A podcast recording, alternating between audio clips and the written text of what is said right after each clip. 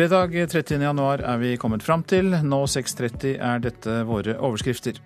Kreftbehandling truet av overdreven antibiotikabruk, sier helseministeren. Han maner til kamp mot antibiotikaresistente bakterier. Ahmed på tre år kastes eh, ut av Norge for en synd hans bestefar har gjort. Strider med vanlig rettspraksis, sier jusprofessor. Politikken har fått lov til å spille inn i retten med altfor stor kraft og styrke. Vi er villige til å gi avkall på det vi ellers oppfatter som rettferdighet og rimelighet. Jan Fridtjof Bernt, professor i offentlig rett. Det blir toppmøte hos statsministeren i dag for å bekjempe mobbing. Og hasj produktplasseres i amerikanske filmer av cannabisnæringen. Skremmende, mener norske organisasjoner som bekjemper rus. Den type produktplassering virker, det har vi sett med tobakk og alkohol. Og nå er det altså cannabis som står for tur. Mina Gerhardsen, generalsekretær i Aktis. Her i studio i dag, Øystein Heggen. Regjeringen skal utarbeide en strategi for å få bukt med antibiotikaresistens. Ifølge anslag dør rundt 25 000 personer i Europa hvert år pga. antibiotikaresistens. Det er bare et tidsspørsmål før antibiotika ikke vil virke lenger, sier helseminister Bent Høie til Dagens Næringsliv. Han frykter konsekvensen blir at alvorlige sykdommer som kreft ikke kan behandles, og at sykdommer som i dag ikke er alvorlige, kan bli alvorlige. Regjeringa har bestemt at det skal lages en felles plan, der flere departement skal samarbeide.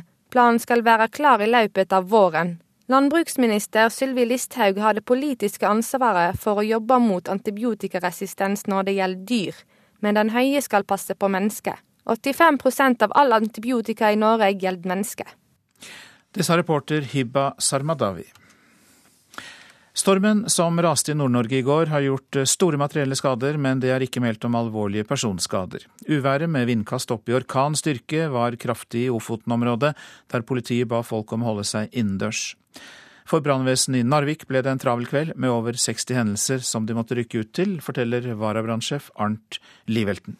Det har, eh, det har gått, eh, gått, i ett. Vi har hatt ja, godt over 60 hendelser vi har vært ute på til nå. Så, eh, så det, det, er et mannskap eh, som har eh, virkelig stått på. Hvilken type skader er det dere har møtt?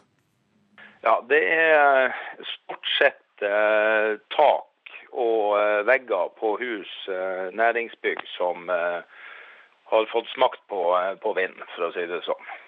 Har dere kommet over personer som har blitt skada eller hatt, hatt problemer med været? Eh, ikke som har eh, blitt skada, men eh, vi har hatt et par hendelser hvor mannskapene har kjørt folk hjem, hvor de har plukka dem opp på, på gaten. Og Reporter her, det var Gisle Forland, og i går kveld så var strømmen tilbake i områdene i Nord-Norge som ble rammet av strømbrudd i forbindelse med uværet. Som vi så i Dagsrevyen i går, kan Ahmed på tre år risikere å bli kastet ut av Norge fordi bestefaren er dømt for å ha inngått et proforma ekteskap for å komme til Norge. I mange innvandringsspørsmål er ikke loven lik for alle, sier Jan Fridtjof Bernt, som er professor i offentlig rett. Han mener at vanlig rettspraksis blir satt til side. Ahmed, tre år, skal sendes ut av landet og til Tyrkia, har Utlendingsnemnda bestemt. Selv om familien fikk permanent oppholdstillatelse flere år før han ble født. Bestefaren ble nylig dømt for proforma-ekteskap. Et ekteskap som dannet grunnlaget for Ahmeds fars oppholdstillatelse. Bør tre år gamle Ahmed lide for bestefars synder? Nei, mener Jan Fridtjof Bernt, professor i offentlig rett ved Universitetet i Bergen. Dette er jo et, eh, et eksempel på at politikken har fått lov til å spille inn i retten med altfor stor kraft og styrke. Familien til Ahmed har anket Utlendingsnemndas avgjørelse, og saken skal snart for retten. Vanlig rettspraksis er at en uskyldig tredjepart ikke skal rammes.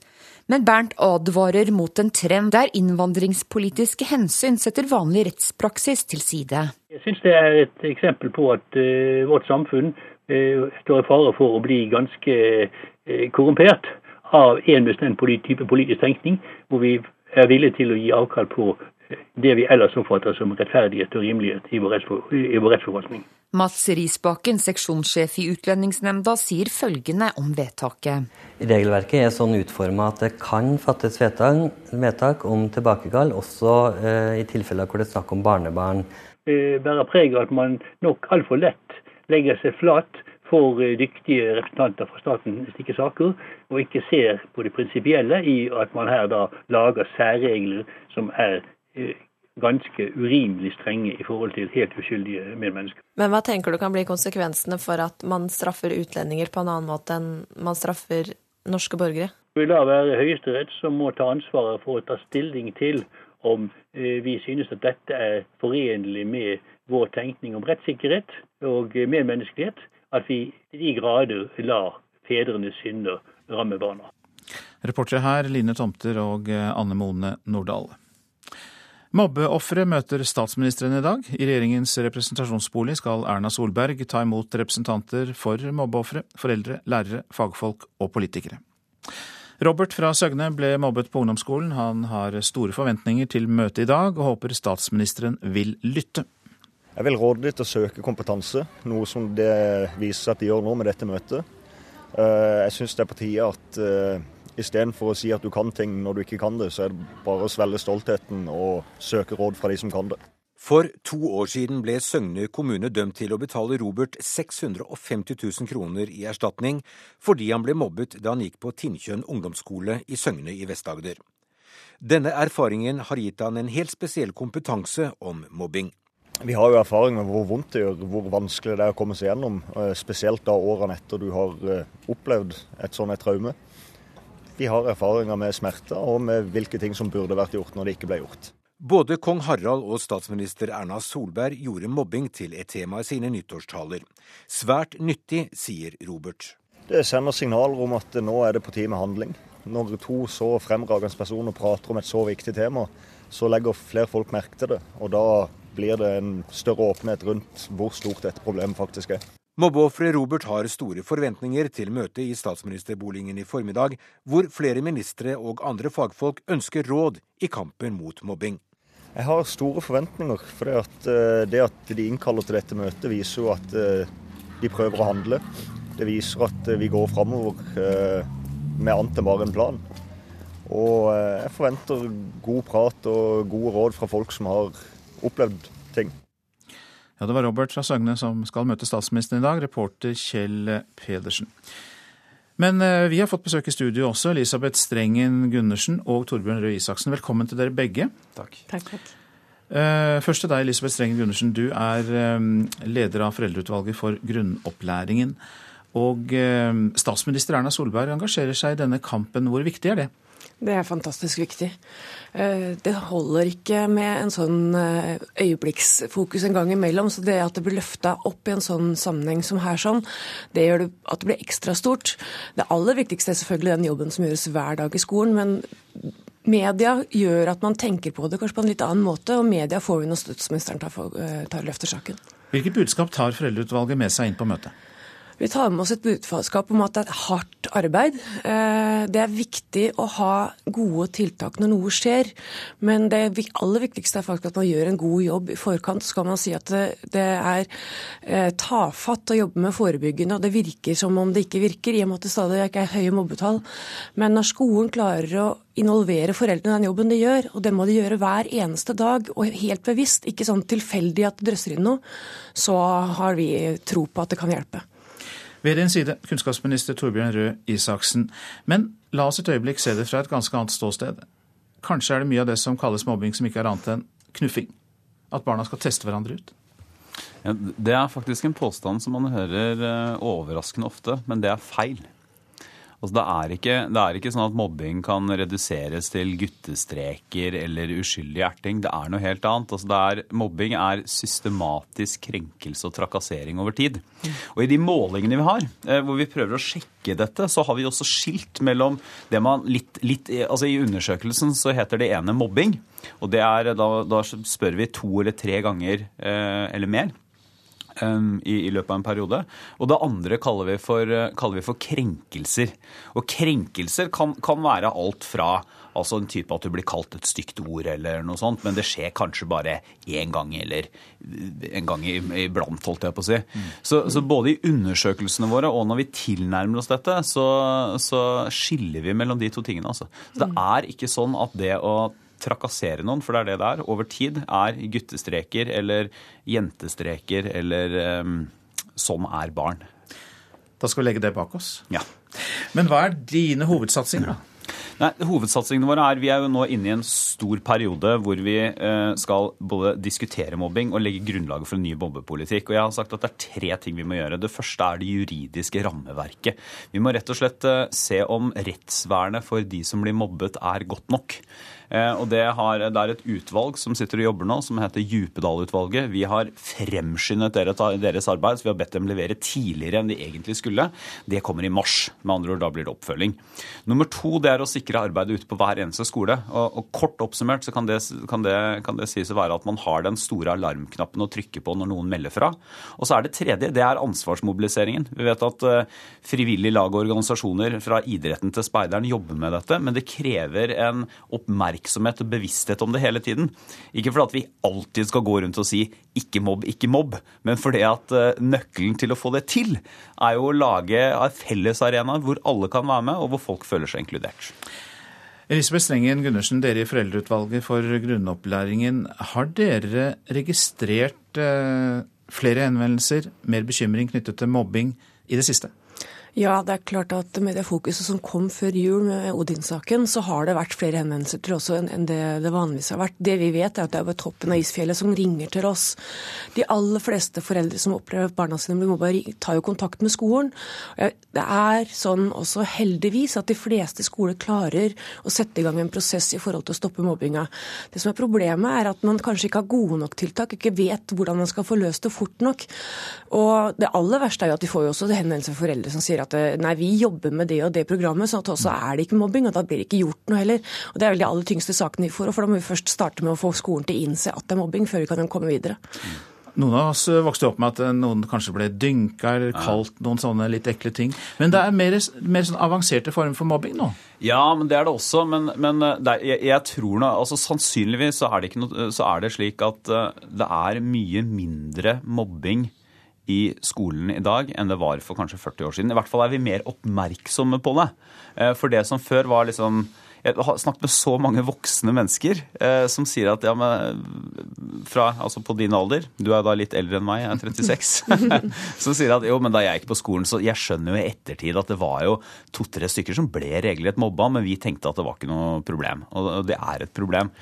Jeg må også bare si at det, hvis Vi ser på, vi har fått inn en ny undersøkelse nå, en elevundersøkelse. og Der går faktisk mobbetallene ned. I tall så betyr det at før så var det 40 000, nå er det 32 000 barn som sier de blir mobbet jevnlig. Så vet vi ikke helt om det er Altså, vi vet ikke helt om det betyr at vi har lykkes litt fordi det har vært mye oppmerksomhet og skolene har jobbet bra, eller om det bare er litt sånn tilfeldige utslag. Men hvis dette fortsetter neste år, så kan det jo tyde på at det fungerer. Og det er jo litt viktig at folk har med seg at det er ikke sånn at vi uansett hva vi gjør, så fortsetter det å være dårlig. Nei, vi kan hjelpe. Det er fortsatt altfor, altfor mange med 32 000, men det nytter altså å gjøre arbeidet lokalt og ha oppmerksomhet rundt det. Før dere forlater meg, Elisabeth Strengen Gundersen, hva kan dere i foreldreutvalget gjøre annet enn å sitte og lytte? Hvordan kan dere pushe på å få dette fram i lyset enda mer?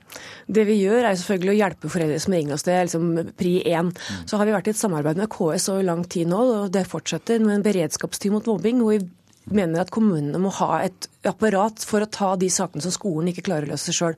Vi ser at lærere også kan være en del av mobbeproblematikken. Det er ikke tvil om at beredskapsteamene som kommer litt utenfra, kan se den biten på en enklere måte enn skolen klarer sjøl. Dere skal møte statsministeren i dag sammen med flere andre for å drøfte mobbing. Elisabeth Strengen Gundersen, leder av Foreldreutvalget for grunnopplæringen. Takk skal du ha. Takk til kunnskapsminister Torbjørn Røe Isaksen. Tusen takk. Så skal jeg se litt på det avisene har eh, å fortelle oss i dag. Helsvart forside i Nordlys i dag, for avisa markerer at hele Nord-Norge gikk i svart i går, da strømmen gikk fra Ofoten i Nordland til Lebesby i Finnmark. Det viser hvor sårbare vi er med én hovedkraftlinje til Nord-Norge, sier NHO-direktør i Troms, Ann Kristin Edvardsen. Styr unna selvhjelpsbøkene, sier den danske professoren i psykologi Sven Brinkmann på Aftenpostens første side. Hans motgift er at vi skal slutte å kjenne etter i oss selv, men heller fokusere på det negative.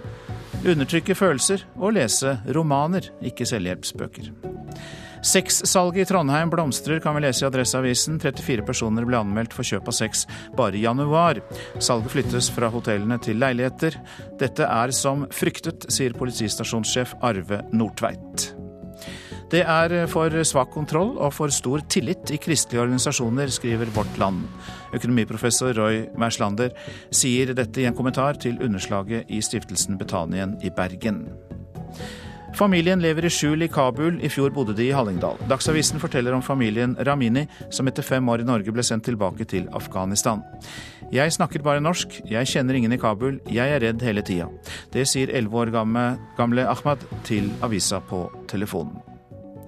Fagbevegelsen kan glemme at Venstre vil stanse endringene i arbeidsmiljøloven, kan vi lese i Klassekampen. Sveinung Rotevatn varsler at Venstre vil ha enda mer liberale regler for midlertidige stillinger enn det regjeringen ønsker. Tidligere forhandlinger med EU har hatt preg av ensidige gavepakker til EU, sier direktør i NHO mat og landbruk Bjørn Eidem til Nasjonen. Norge bruker bare 10% av sin kvote for salg av matvarer til unionen, mens bedrifter i EU bruker hele 75% av sin kvote for salg i Norge. Jeg kunne vært farløs, sier Torkjell Berulfsen til Dagbladet. NRK-kjendisen forteller om faren Bjarne som klarte å svømme i land da hydroferga ble senket i Tinnsjøen av sabotører under annen verdenskrig. Anne Marie Ottesen pryder førstesiden i VG. Har alltid vært redd for å dø. Jeg kunne hatt så lyst til å leve en gang til, sier skuespilleren, som snart fyller 70 år, men som fortsatt har mange baller i lufta. De norske kunstløperne imponerer i Europamesterskapet i Sverige. For første gang siden 1996 har Norge en utøver med i herrenes finale. Sondre Oddvald Bø er bare fem, 16 år og gleder seg til i kveld og sin første internasjonale finale. Jeg gleder meg veldig til å gå. og altså, Hallen er veldig stor, og det er mange mennesker som ser på. og Publikum er liksom veldig med, og det er veldig gøy å gå her. Så jeg gleder meg bare til å vise liksom, hva jeg har trent på. Ja. Askegutten flyttet alene til Oberstdorf i Tyskland for å satse alt på kunstløpkarrieren. Nå er han klar for friløp og finalen i EM i Sverige. Der satser Sondre Oddvold Bø alt. Ja, altså, det er, sånn, jeg, har, jeg føler ikke at jeg har så mye å tape nå, siden jeg allerede er i finalen. Jeg går for jeg vet ikke, noe som heter triple, triple da, som er en ny trippel-trippel-kombinasjon som jeg har gjort på trening, og det har funket bra her. Hvis det blir noen suksess og alt det andre, liksom. Det kan bli topp 15, det er vel mulig. NRKs kunstløpekspert i EM, Anna Pushkova, er imponert. Det er utrolig stort for eh, Norges Skøyteforbund og Kunstløp Norge. Fordi at eh, det er eh, første gang på lenge at vi har fått med oss en gutt. Og så god som Sondre er. Forrige gang var i 1996 med Jan Erik Digernes. I morgen skal 21 år gamle Camilla Gjersem til pers i kvinnenes finale. Jeg forventer å levere et godt friløp og sette så mange trippelopp som mulig, fordi jeg skal gå med et nytt trippelopp som jeg ikke har gjort i internasjonal konkurranse før. Så det blir veldig gøy å teste ut det. NRKs ekspert Pushkova mener Norge nærmer seg de beste. Tvillingsøster Anne Line Gjersem kom til finalen i OL og VM i fjor. Camilla Gjersem er i EM-finalen nå, i tillegg til Sondre Oddvold Bø. Vi er på vei til å klatre oppover. Vi har nådd, nådd nye høyder. Så det er absolutt noe riktig man har gjort. For Camilla Gjersem er det morsomt å gå finalen i Sverige. Det er nesten på hjemmebane, det. For da er det utrolig mange kjente i hallen. Og jeg kjenner jo svenskene veldig godt også, så det, jeg føler at de heier på meg, de også. Reporter her, det var Anders Engeland. Klokka har nettopp passert 6.49. Dette er eh, viktige saker i Nyhetsmorgen i dag. Kreftbehandling truet av overdreven antibiotikabruk, sier helseminister Bent Høie. Han går til kamp mot antibiotikaresistente bakterier. I mange innvandringsspørsmål er ikke loven lik for alle, sier professor i offentlig rett Jan Fridtjof Bernt. Han mener at vanlig rettspraksis blir satt til side. Og vi skal høre at hasjprodukt plasseres i amerikanske filmer. Skremmende, mener antirusorganisasjoner. Salget av gårdsmat og attraksjoner må merkes bedre langs veiene, krever reiselivsnæringen. Skiltene bør også ha informasjon på ulike språk, sier reiselivsdirektør i Sogn og Fjordane, Ståle Brandtzæg. det er få ord på norsk som er kjent i andre land. Fjord er kanskje et av de få. Ellers så er vi nødt til å tenke både i markedsføring og i skilting. At en beskriver hva type produkt dette er. Er det en bre, så må det kalles for en glacier eller gletsjer eller et eller annet på, på det språket det gjelder. Langs veiene har Vegvesenet skilta inn til populære attraksjoner, aktiviteter og tilbydere av mat og overnatting. Men skilta er i stor grad på norsk. Nå vil reiselivsnæringa gjøre noe med dette, sier Brandtzæg. Både i forhold til å oversette de skiltene som finnes, og det å sette opp flere skilt og mer informasjon. Eh, der har vi mye å gå på i flere kommuner i hele fylket vårt. Så, eh, men, men, det er litt opp til destinasjonsselskapet i lag med kommunene og fylket å se litt nærmere på. Så det syns jeg vi skal gjøre. Sandra Bratland i Cruise Norway er overtydd om at enda flere turister ville funnet fram til både attraksjoner og bedrifter om skiltinga var mer tydelig. Som turist så, jeg, eh, så spør jeg meg sjøl vil jeg forstå hva det er for noe. Og da må man spørre seg sjøl hvem er det vi skal sitte opp disse skiltene for? Er det for oss sjøl? Eller er det for turisten? For hvis turisten ikke vet hvor du er henne, så kan han heller ikke besøke deg, og da kan han heller ikke bidra til din verdiskapning. Seksjonsleder Magna Vangsnes i Statens vegvesen sier at det er symboler på skiltene som skal leie turistene på rett vei, men hun lukker ikke døra for en dialog om språkbruken. Det finnes eksempel på, på at vi har skilter på flere språk eh, enkelte plasser. Så vidt jeg vet, så er det ikke noe prinsipielt imot ja, men det er mer en praktisk eh, problemstilling. Reiselivsdirektør Ståle Brandshaug voner at en kan finne en løsning. Vi har lyst til å gå inn og se på behovet per kommune, eh, enten det er Vegvesen, kommune eller andres ansvar, og, og, på en måte peke på de behovene som ligger, og prøve å få gjort noe med dem. Reporter her, det var Geir Bjarte Jetland. Senatet i den amerikanske kongressen har gitt grønt lys til bygging av den omstridte Keystone XL-rørledningen fra Canada til Texas. Men president Barack Obama har varslet at han kommer til å nedlegge veto mot den. Oljerørledningen skal etter planen frakte 800 000 fat olje om dagen fra oljesandområder i Canada til Texas. Representantenes hus har, allerede, har tidligere stemt for planen, men det kan altså komme et presidentveto mot den. Lobbyister i Hollywood jobber for å produktplassere cannabis i kjente TV-serier og filmer, som også vises i Norge. En skremmende utvikling, mener rusfeltets paraplyorganisasjon i Norge, Aktis.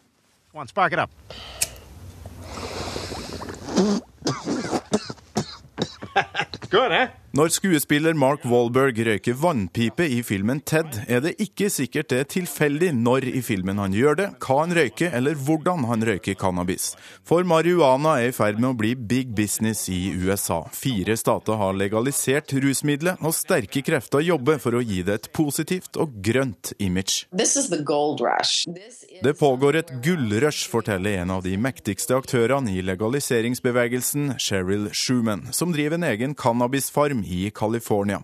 Hun jobber med å produktplassere cannabis i film- og TV-serier. Blant dem er Parenthood og Weeds, som kan ses på norske TV6, og Wilfred på TV2. Schumann sier til Sveriges Radio at hennes viktigste jobb er å plassere cannabis i så normale og hverdagslige scener som mulig for å ufarliggjøre stoffet. Film, they send me the script. My job is to read it and break it down to where we can fit marijuana and marijuana products throughout that script. Where would it be a natural fit? And that's what we do. It is my life. Your life. And I want to be high. what is going on in your head? Jeg har sett mye på f.eks. That 70's Show eller How I Met Your Mother, hvor de har en veldig positiv framstilling av cannabisbruk. At det er noe som gjør at man blir litt surrete, litt fnisete. Mina Gerhardsen er generalsekretær i Aktis, som er rusfeltets paraplyorganisasjon. Hun synes skadevirkningene altfor sjelden blir vist i amerikansk TV og film, og er skremt av produktplasseringa av cannabis. Vi vet jo at det virker. Reklame virker. Den type produktplassering virker. Det har vi sett med tobakk og alkohol. Og nå er det altså cannabis som står for tur. Det er selvfølgelig en bekymringsfull utvikling. We got this weed because we told Erica, you told Erica that we would trade for coke. Her spiller lobbyistene på veldig sterke understrømmer i USA, hvor veldig mange nå mener at marihuana er mindre farlig enn alkohol. I USA er også sukker ansett som farligere enn cannabis, forteller professor i sosiologi ved Universitetet i Oslo, Willy Pedersen. Det kan forklare hvorfor cannabis får så stor plass i populærkulturen. Vi ser f.eks. Eh, TV-serien Weeds, som altså er en sånn grønn, morsom sitcom-sak hvor eh, marihuana forstås som et ganske ufarlig stoff. Det vi nok ser nå, er at disse mønstrene nok kan komme til å forsterkes. Jesus, this is weak. Reportasjen var laget av Torkild Thorsvik. Ti norske serietegnere deltar i år på en av verdens største tegneseriefestivaler, i Angolem i Frankrike. Det er Festival de la bande dessinée, der Norge er representert med en egen stand.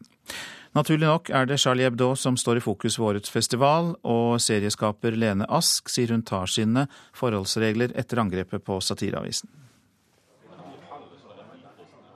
Jeg kommer til å ta hensyn, jeg kommer til å tenke på min egen sikkerhet.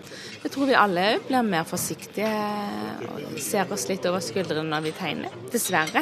Men det tror jeg faktisk. I Norge så er, så er jo tegneseriemiljøet veldig lite, men når vi kommer til Frankrike så ser vi jo hvor stort det er. Det er jo liksom 100 000, og det er folk som står i milevis av kø for å få en tegning. Det er jo veldig overveldende for norsk tegneserieskaper å, å se at man faktisk er en del av et veldig stort miljø. I år er det andre gangen som serietegneren Lene Ask besøker festivalen i sydvästfranska staden Angoulême. Efter attentatet mot Charlie Hebdo den 7 januari kommer förstås satirtidningen att hedras stort med flera olika evenemang. Man kommer även att prata extra mycket om vikten av yttrandefrihet.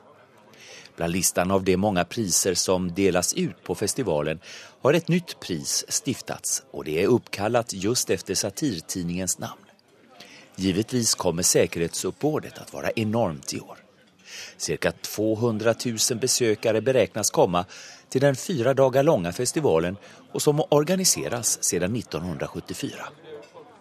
Här finns också en stor mässa där man undertecknar utgivningsrättigheter med utländska förlag. Finland har lenge dominerat bland de nordiska länderna på tecknarfestivalen i Angoulême. På norska ambassaden i Paris har man dock sedan flera år arbetat hårt för att öka kontakterna mellan norska serietecknare och den franska publiken. Jan Ascoe på ambassaden meddelar att till årets festival kommer inte mindre än tio norska serietecknare. Det är rekord.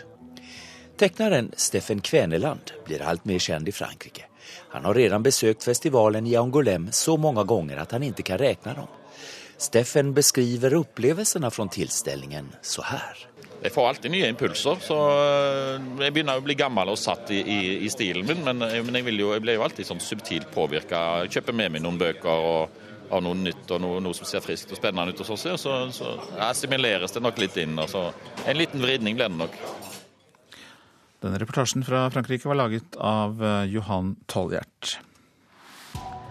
Så var det værvarselet. Fjell i Sør-Norge, liten kuling utsatte steder. Skyet eller delvis eh, skyet. Litt snø av og til i østlige fjellstrøk, ellers for det meste opphold. Østland og Telemark skyet eller delvis skyet vær. Enkelte snøbyger. I Telemark sludd nær kysten. Agder, vest for Lindesnes stiv kuling. Skyet eller delvis skyet. Enkelte snøbyger. Regn nær kysten. Rogaland sørlig stiv kuling langs kysten. Fra i ettermiddag sørøst stiv kuling utsatte steder. Litt sludd og snø, regn på kysten. I kveld oppholdsvær i Rogaland. Hordaland og Sogn og Fjordane sørlig sterk kuling på kysten. Litt sludd og snø, regn på kysten. Fra i ettermiddag sørøst liten kuling utsatte steder, og etter hvert oppholdsvær. Møre og Romsdal stort sett oppholdsvær. Trøndelag sørøst liten og til dels stiv kuling utsatte steder, stort sett opphold. Helgeland, Saltfjellet, Salten og Ofoten sørøst sterk kuling utsatte steder, i ettermiddag minkende vind. I indre strøk litt snø, ellers opphold. Lofoten og Vesterålen østlig liten kuling, etter hvert stort sett oppholdsvær. Troms sørøstlig stiv kuling utsatte steder, fra ettermiddag liten kuling i sør, i indre strøk litt snø, ellers oppholdsvær i Troms. Finnmark østlig liten kuling utsatte steder, på kysten og i vest periodevis stiv kuling. På Finnmarksvidda og i øst blir det litt snø, men ellers i Finnmark oppholdsvær. Nordensjøland på Spitsbergen delvis skyet oppholdsvær. Så tar vi med oss noen temperaturer målt klokka fire i natt. Svalbard lufthavn er nede i minus 22. Kirkenes minus 13. Vardø minus 5. Alta minus 8. Tromsø minus 3. Bodø minus eh, Nei, Tromsø var minus 6. Bodø minus 3. Trondheim-Værnes pluss 3. Molde minus 1. Bergen-Flesland pluss 1. Stavanger pluss 2. Kristiansand-Kjevik 0. Gardermoen minus 1. Lillehammer 0. Røros minus 3 og Oslo-Blindern 0 grader.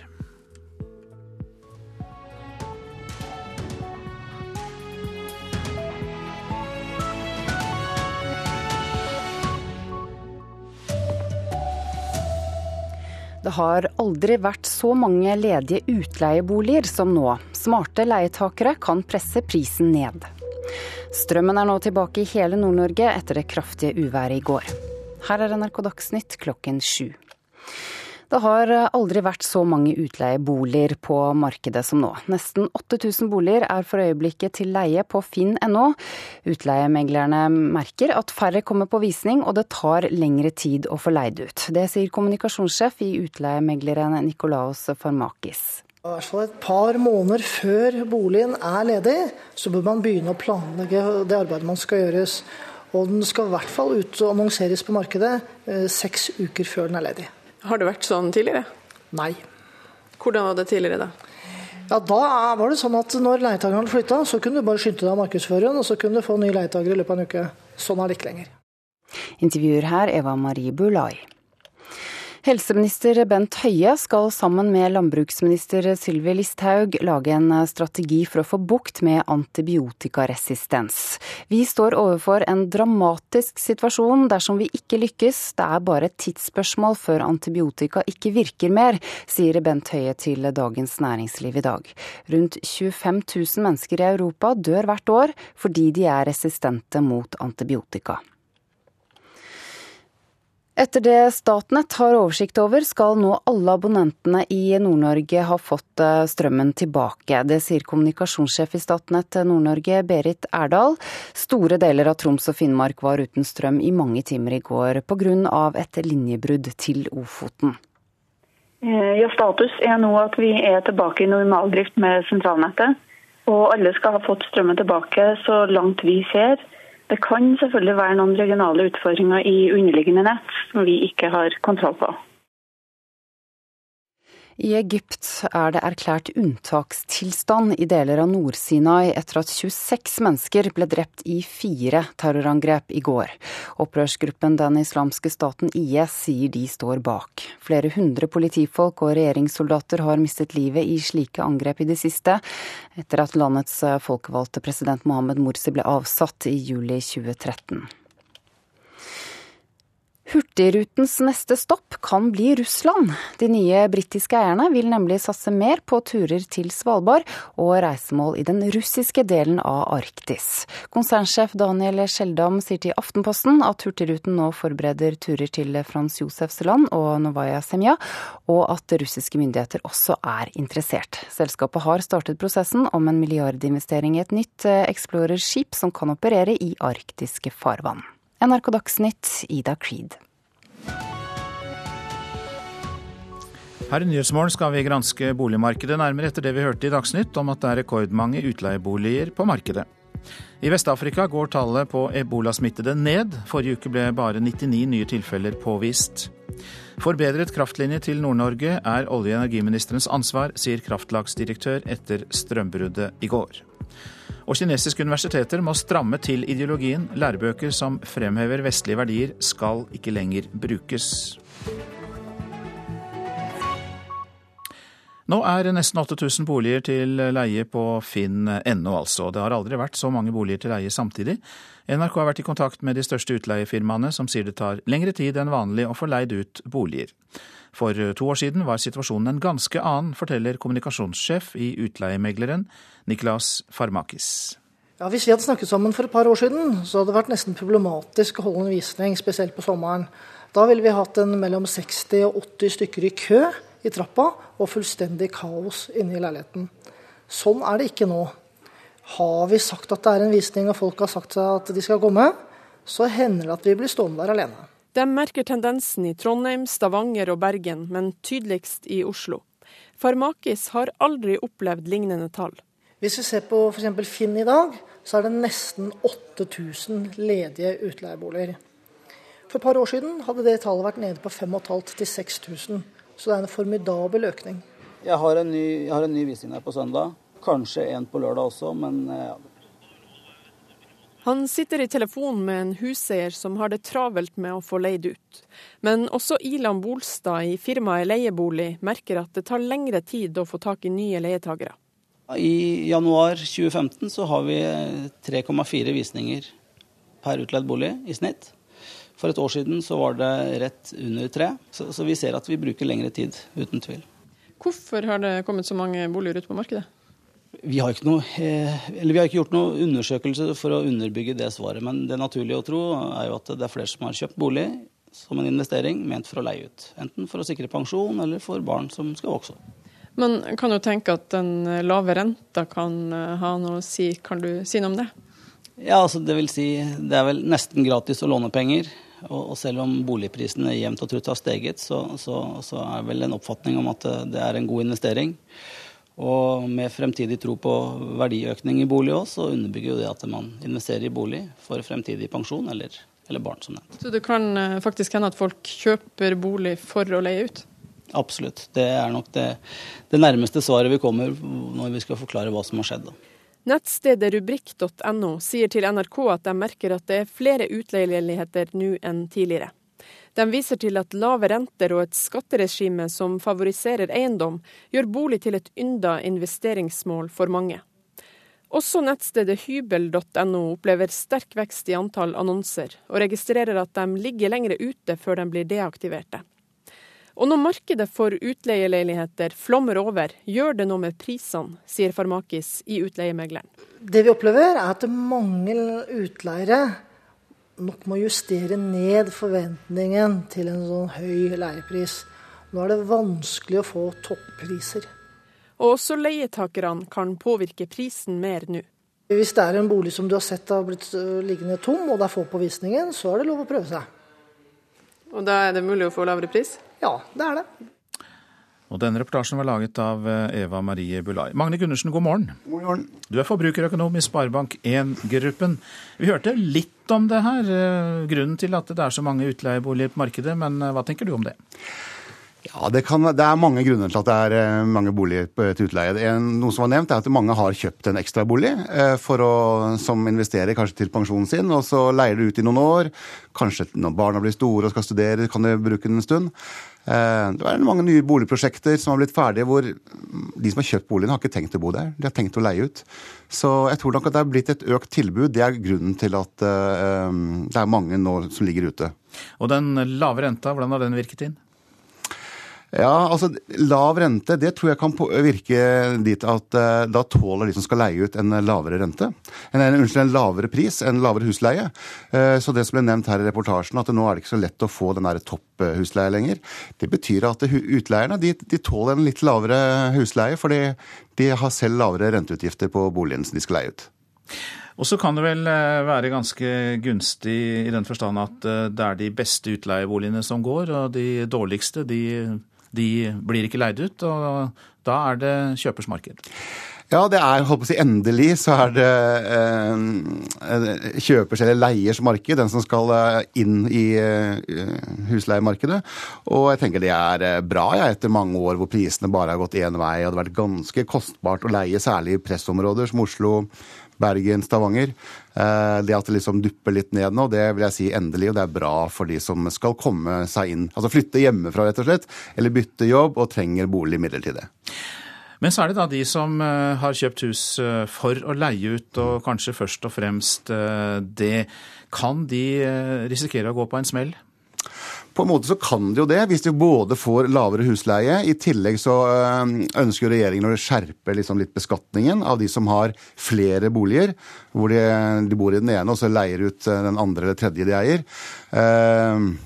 Men igjen, de reddes av lavere renter, så de tåler det.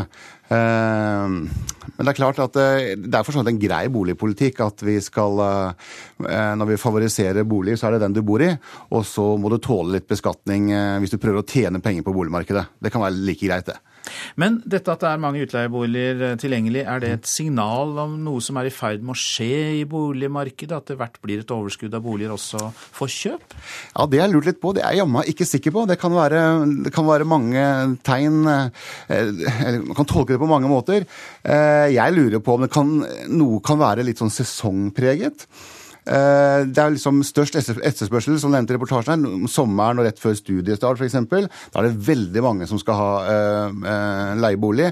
Så da, vi tror ikke vi, vi vil se sånn nesten 8000 ledige boliger da. Så det vil nok svinge litt. Så jeg tror vi skal vente litt med å se litt over tid hvordan dette utvikler seg. Men det er gode tendenser akkurat nå. Da venter vi og ser. Hjertelig takk, Magne Gundersen, forbrukerøkonom i Sparebank1 Gruppen. Strømbruddet i Nord-Norge i går overrasker ikke direktør i Alta kraftlag, Per Erik Ramstad. Siden 2012 har konsesjonssøknaden for en utbedret kraftlinje mellom Balsfjord og Hammerfest ligget i olje- og energiministerens skuff. Derfor er kraftlagsdirektøren klar på hvem han mener har ansvaret for den svake forsyningssikkerheten. Energiministeren i Norge, Tord Lien. Det er han som er ansvarlig for Olje- og energidepartementet, så det er klart at ansvaret ligger der. I går skjedde det igjen. Etter en feil på hovedkraftlinja nordover mista hele Troms og Finnmark strømmen samtidig. Men dette er langt ifra første gangen at halve Nord-Norge blir mørklagt, forteller direktør Per Erik Ramstad i Alta kraftlag. Jeg er ikke overraska. Det skjedde på samme tid omtrent i fjor, og eh, jeg har jo vært en av dem som har varsla om det her fra 2006. Så eh, dessverre så er jeg ikke det. Ja, hva er det du har varsla? At eh, vi ligger på etterskudd. Det tar så lang tid å bygge nye linjer at man må ligge på forskudd helst, og vi ligger 10-15 år på etterskudd. Statnett jobber nå med å forsterke linjenettet nordover fra der feilen i går skjedde i Ofoten. Arbeidet på den første strekninga frem til Balsfjord i Troms kom i gang i fjor, men konsesjonssøknaden for strekninga videre til Skaidi i Vest-Finnmark har ligget i Olje- og energidepartementet siden 2012. Olje- og energiminister Tord Lien lover likevel fortgang i arbeidet. Nå jobber Statnett med bygging av den viktige linja fra Ofoten og oppover til Balsfjord. Og vi eh, skal i hvert fall ha klart å ha landa et, et, endelig vedtak, håper jeg, i god tid før eh, bygging av eh, Ofoten-Balsfjord er ferdigstilt. Og det har lite for seg å, å begynne bygginga fra Balsfjord og nordover før før bygginga fra Ofoten til Basfjord er ferdigstilt. Reporter her var Aslak Ballari. I Vest-Afrika går tallet på ebolasmittede ned. Forrige uke ble bare 99 nye tilfeller påvist, og det er første gang på flere måneder at tallet er under 100. Afrikakorrespondent Sverre Tom Radøy var på ebolaoppsummeringen til Den afrikanske union i Addis Abeba i går. Det ble en blanding av hurra og varskorop da de presenterte de siste tallene de ansvarlige for bekjempelsen av ebola i Den afrikanske union. Det kunne vært 1,4 millioner smittede om troverdige forskningsmiljøer hadde fått rett, men fasiten er 22 000. Ebolasmitten var allikevel ikke absolutt dødsdommen. Dødeligheten ble spådd til å bli over 80% fasiten viser nær det halve. Liberia var lenge hardest rammet. Nå er det ikke rapportert om nye tilfeller på over to uker. Landet er snart ebolafritt, ifølge landets utenriksminister.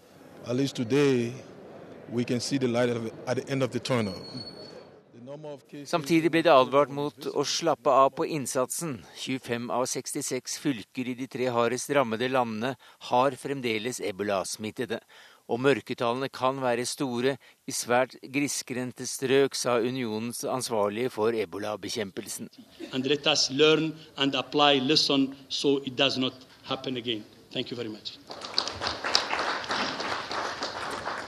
Og fra møtet i Den afrikanske union i Addis Abeba hit til Norge igjen, og til deg Line Wold, god morgen.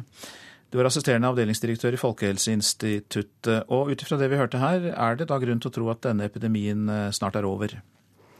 Ja, Det vi observerer, er i hvert fall at vi har et skift eh, i, eh, i, i utbruddskurvene. At vi ser at det nå er på vei ned i nye antall smittede per uke. Og det er jo gledelig. Det viser at innsatsen som gjøres eh, i disse tre hardt rammede landene, virker. Men det er all grunn til å, å fortsette innsatsen, for vi, vi må ha tallene ned på null for å ha, ha en suksesshistorie å vise til her. Mm. Men er det denne sykdommen som selv har kuliminert av forskjellige årsaker, eller eh, er det kampen mot den som har bidratt mest? Altså, I høst så hadde man jo sterkt fokus på dette med å bygge opp kapasiteter i landet. Man hadde ikke nok senger til å behandle eh, ebolapasientene. Man hadde ikke nok eh, team til å foreta trygge begravelser. Man hadde ikke nok team til å, å, få til god overvåkning. Og man eh, ikke, hadde ikke nok team til å få til god sosial mobilisering i lokalsamfunnet, som er veldig viktig for å, for å få til eh, isolering av de ebolasyke og, og god kontaktoppsporing, at man kartlegger hvem disse har vært i kontakt med og kan ha smittet, og får fulgt opp alle disse, som jo alle er viktige faktorer for å stoppe utbruddet. Nå har man klart å bygge opp kapasiteter på alle disse områdene. og Og vi får rapportert at det nå er nok senger for eksempel, til å behandle ebolapasientene totalt sett i landene. Det som blir fokus fremover nå, er å sørge for at man har mobile nok ressurser. At man får ressursene dit de trengs. fordi vi vet jo, som det også ble rapportert om her i, i, i innslaget, at, at, det er jo områder hvor det fortsatt er intensiv smittespredning. Og det er viktig at hjelpen kommer fram til disse områdene også. Og det er også, eh, også, sånn at man eh, nå kommer til å ha økt fokus på dette med kontaktsporing. Altså spore opp alle som, som har vært i kontakt med syke, som man får, eh, får, til rask behandling og isolering av de som måtte utvikle symptomer. Det er jo områder, i, særlig i Guinea, hvor det er ganske stor lokal motstand mot, mot, hjelp, eller ikke egentlig mot hjelp, men at man har problemer med å få, få troverdighet og tillit til den måten man håndterer utbruddet på fra myndighetenes side og fra WHO sin side. Og, og, særlig i disse områdene så er det viktig at man får til god sosial mobilisering og god kontaktsporing rundt de nye tilfellene for å stoppe, stoppe videre smittespredning. Da. Ja. Folkehelseinstituttet her hjemme arbeider jo med å framstille en ebolavaksine. Kan man snart eh, vente seg et gjennombrudd i det arbeidet? Disse vaksinene, altså Det foregår jo vaksineutprøving, eh, og arbeid med det vil, eh, vil, foregå i alle de tre rammede landene. og Norge er, eh, har en aksje inne i utprøvingen i Guinea. Mm. Det gjøres både fortynningsstudier og stabilitetsstudier, og det gjøres utprøving av effektivitet av vaksinen det er et stykke frem til man kan få brukt vaksinen i stor skala. Eh, så det arbeidet man i hvert fall må opprettholde med, med styrke, er å følge, å følge, med på de nye syke og kontaktsporing rundt disse, og også overvåkning eh, i de, alle regionene i disse affiserte landene. Så det er viktig at innsatsen fortsetter med uforminsket styrke i disse hardt rammede landene for å komme ned på null. Vi, vi, det er en suksess at vi nå har snudd tallene, og at vi for første gang har under, under 100 rapporterte tilfeller på én uke siden i juni 2014. Eh, men vi må altså fortsette for å få, få tallene helt ned. Det er målet. Det er målet. Takk skal du ha, Line Wold, som altså er assisterende avdelingsdirektør i eh, Folkehelseinstituttet. Du lytter til Nyhetsmorgen. Klokka den passerte 7.17 nettopp. Dette er hovedsaker. Kreftbehandling truet av overdreven antibiotikabruk, sier helseminister Bent Høie. Han går til kamp mot antibiotikaresistente bakterier. Det er rekordmange utleieboliger på markedet. Lav rente fører til at flere kjøper boliger for å leie ut. Og eh, i Egypt er det erklært unntakstilstand i deler av Nord-Sinai etter at 27 personer ble drept i fire terrorangrep eh, i går. Mer om det ganske straks her i eh, Nyhetsmorgen. Men aller først om at kinesiske universiteter blir beordret til å slutte å bruke lærebøker som fremhever vestlige verdier. Kinas læresteder beordres også til å vie mer tid i klasserommet til propaganda og studier av marxisme og sosialisme. Asia-korrespondent Peter Svår, har du gjort deg noen tanker om hvorfor det skjer nå? Dette er en del av den ideologiske innstrammingskampanjen som eh, president Xi Jinping har intensivert siden han kom til makten i 2012. Og det merkes på mange områder i det kinesiske samfunnet nå. Kontrollen med universiteter og læresteder eh, skjerpes. Kontrollen med hvilke lærebøker man bruker, eh, ettergås. Og denne uken skviset også politbyrået her inn en studiesesjon i dialektisk materialisme og marxistisk teori i sitt tette program, som ifølge Xi skulle gjøre Kinas lederskap i stand stand til å forstå eh, Marx og marxistisk teori i større dybde. En ideologisk kampanje snakker vi vel om her, da, og tar den også andre former? En stadig sterkere kontroll over mediene og internett og kulturuttrykk er det mest merkbare her i hverdagen. Kinesiske journalister har uh, en stund nå blitt oppfordret til årlig skolering i partidoktrine og sosialisme. Og Gjør de det, så får de noen fordeler og også noen ganger enklere arbeidsvilkår. Det andre er at kontrollen med det kinesiske internettet er kraftig skjerpet, og delvis har dette skjedd bare de siste ukene. Det sies at uh, man nå har styrket denne kontrollen for å hindre såkalt såkalt ryktespredning og spredning av eh, skadelig informasjon, som det kalles. Og det skjer gjennom at de såkalte VPN-forbindelsene som utenlandske selskaper og kinesiske akademikere er avhengig av for å kunne surfe utenfor den kinesiske brannmuren, nå blir slått ned på mye hardere enn før. Og Det betyr at det er vanskeligere å da få en forbindelse til en, en, en VPN-server i utlandet, slik at man kan komme inn på noen av de nettstedene som er sperret her i Kina, slik som nrk.no f.eks. Dette arbeidet skal fortsette. Målet er total kontroll over all trafikk på nettet, og da å tette alle disse smutthullene som eksisterer i dag. Hva i all verden ønsker man å oppnå med det? Hva er hensikten her? Ja, det er det jo forskjellige meninger om. Men uh, enkelte kinesiske akademikere tolker dette som resultat av en ganske sterk uh, indre debatt i uh, kommunistpartiet her om Kinas videre retning, hvor det er forskjellige fløyer med forskjellige oppfatninger. Noen fløyer vil styrke eller vil styre det politiske systemet mot en mer vestlig liberal retning. Andre vil heller legge vekt på tradisjonelle kinesiske verdier og sosialisme. Og dette kravet om lydighet til én doktrine oppfattes oppfattes eh, som et virkemiddel for å holde disse forskjellige fløyene i, i sjakk, og, og, som en, eh, en, måte å på en måte eh, si at det er dette man forventes å stille seg bak. Takk for at du tok oss igjennom dette spørsmålet, Asia-korrespondent Peter Svaar. I Egypt er det erklært unntakstilstand i deler av Nord-Sinai etter at 26 personer ble drept i fire terrorangrep seint i går. Opprørsgruppen Den islamske staten har påtatt seg skylden for dette. Flere hundre politifolk og regjeringssoldater har mistet livet i slike angrep etter at landets eh, folkevalgte president Mohammed Morsi ble avsatt i juli 2013. Med raketter og en selvmordsbomber gikk terroristene til angrep mot et militært anlegg i Al-Arish i Nord-Sinai-provinsen i går. 26 mennesker ble drept, hovedsakelig soldater, og minst 58 ble såret. Deretter slo terroristene til igjen, denne gang i Rafa ved grensen mot Gazastripen, og drepte en egyptisk offiser. Etter rekken av terrorangrep i går har regimet i Kairo nå erklært unntakstilstand i deler av Nord-Sinai. Den militante islamistgruppen Ansar Bait al-Maktis som i fjor endret navn til Sinai-provinsen og sverget troskap til IS, hevder i flere Twitter-meldinger har ha stått bak angrepene. De hevder angrepene er hevn for regimets brutale forfølgelse av Morsis tilhengere, som har etterlatt flere hundre døde og flere tusen i fengsel, titalls dømt til døden etter oppsiktsvekkende raske rettssaker som fordømmes av FN. Utenriksmedarbeider Charlotte Bergløff orienterte. Så til det avisene har eh, i sitt fokus i dag. Helsvart forside i Nordlys, for avisa markerer at hele Nord-Norge gikk i svart i går da strømmen gikk fra Ofoten i Nordland til Lebesby i Finnmark. Styr unna selvhjelpsbøkene, sier den danske professoren i psykologi Sven Brinkmann på Aftenpostens første side. Hans motgift er at vi skal slutte å kjenne etter i oss selv, men heller fokusere på det negative. Uttrykke, undertrykke følelser og lese romaner, ikke selvhjelpsbøker. Sexsalget i Trondheim blomstrer, kan vi lese i Adresseavisen. 34 personer ble anmeldt for kjøp av sex bare i januar.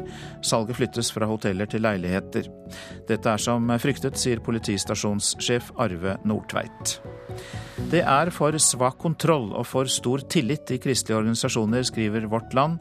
Økonomiprofessor Roy Mersland sier dette i en kommentar til underslaget i stiftelsen Betanien i Bergen. Familien lever i skjul i Kabul. I fjor bodde de i Hallingdal. Dagsavisen forteller om familien Ramini, som etter fem år i Norge ble sendt tilbake til Afghanistan. Jeg snakker bare norsk, jeg kjenner ingen i Kabul, jeg er redd hele tida, sier elleve år gamle Ahmad til avisa på telefon. Fagbevegelsen kan glemme at Venstre vil stanse endringene i arbeidsmiljøloven, kan vi lese i Klassekampen. Sveinung Rotevatn varsler at Venstre vil ha enda mer liberale regler for midlertidige stillinger enn det regjeringen ønsker.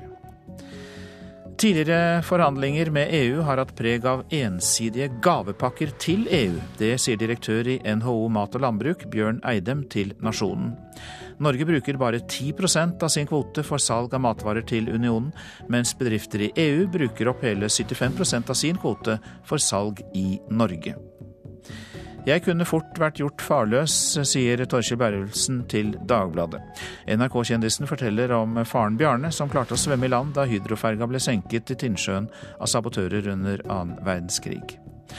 Anne Marie Ottersen pryder førstesiden i VG. Har alltid vært redd for å dø, jeg kunne hatt så lyst til å leve en gang til, sier skuespilleren, som snart fyller 70 år, men som fortsatt har mange baller i lufta.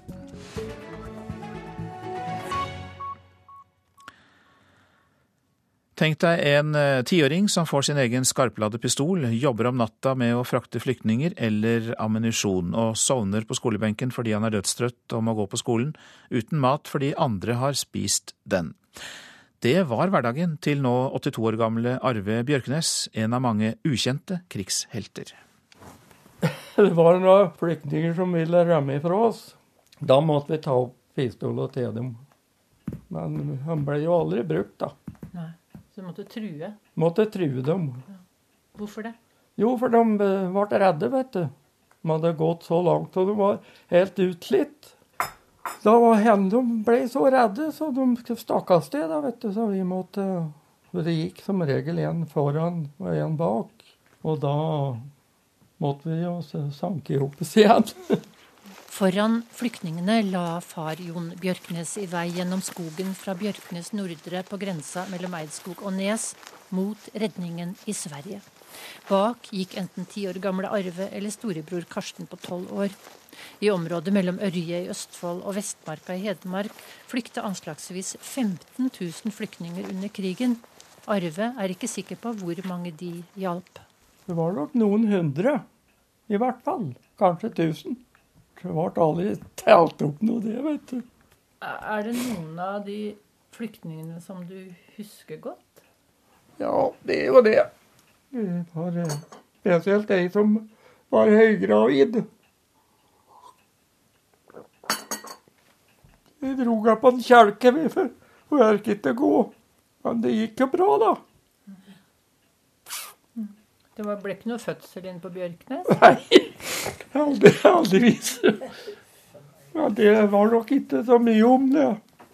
Arve Bjørknes nærmer seg 83 år, er en spreking og har et godt liv med kjæresten Klara. De to pendler mellom Årnes og Hadeland. Men minnene fra krigen sitter hardt i, selv om han som guttunge ikke helt forsto hvor farlig det var. Familien var en del av et større nettverk. Flyktningene kom fra Oslo og Årnes til Bjørknes, oftest med sykler. Gutta frakta dem tilbake på nattestider. Det ble mange sykler. Ja, det ble det. Vi hadde som regel fire sykler når vi reiste ned igjen, for da vi tok to og to sykler. Tok du forhjulet, og så batt vi den eh, gaffel på bagasjebæreren, og så sykler vi. Var dere ikke redd for å bli tatt? Jeg hadde vel ikke tanker om det, tror jeg. For da har han ikke gjort det, vet du. De nattlige turene gjorde at Arve kunne sovne på skolebenken på dagtid, hvor læreren var nazist.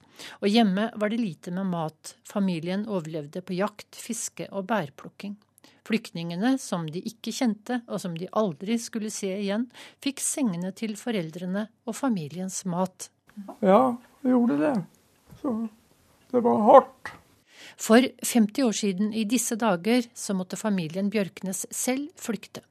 Vi måtte bare pakke i hop og få på oss noen klær og dra av sted. Men det hadde nok blitt vart under beina på de som hadde kommet og skulle ta oss, for da hadde vi skarpladde pistoler alle sammen. Men det var Det behøvde ikke, for vi var akkurat før dem. Flyktningelosen er glad for at det nå lages filmer og stoff om krigen, for det kan være like aktuelt i dag. Men mye av det som skjedde, går i graven med krigsheltene.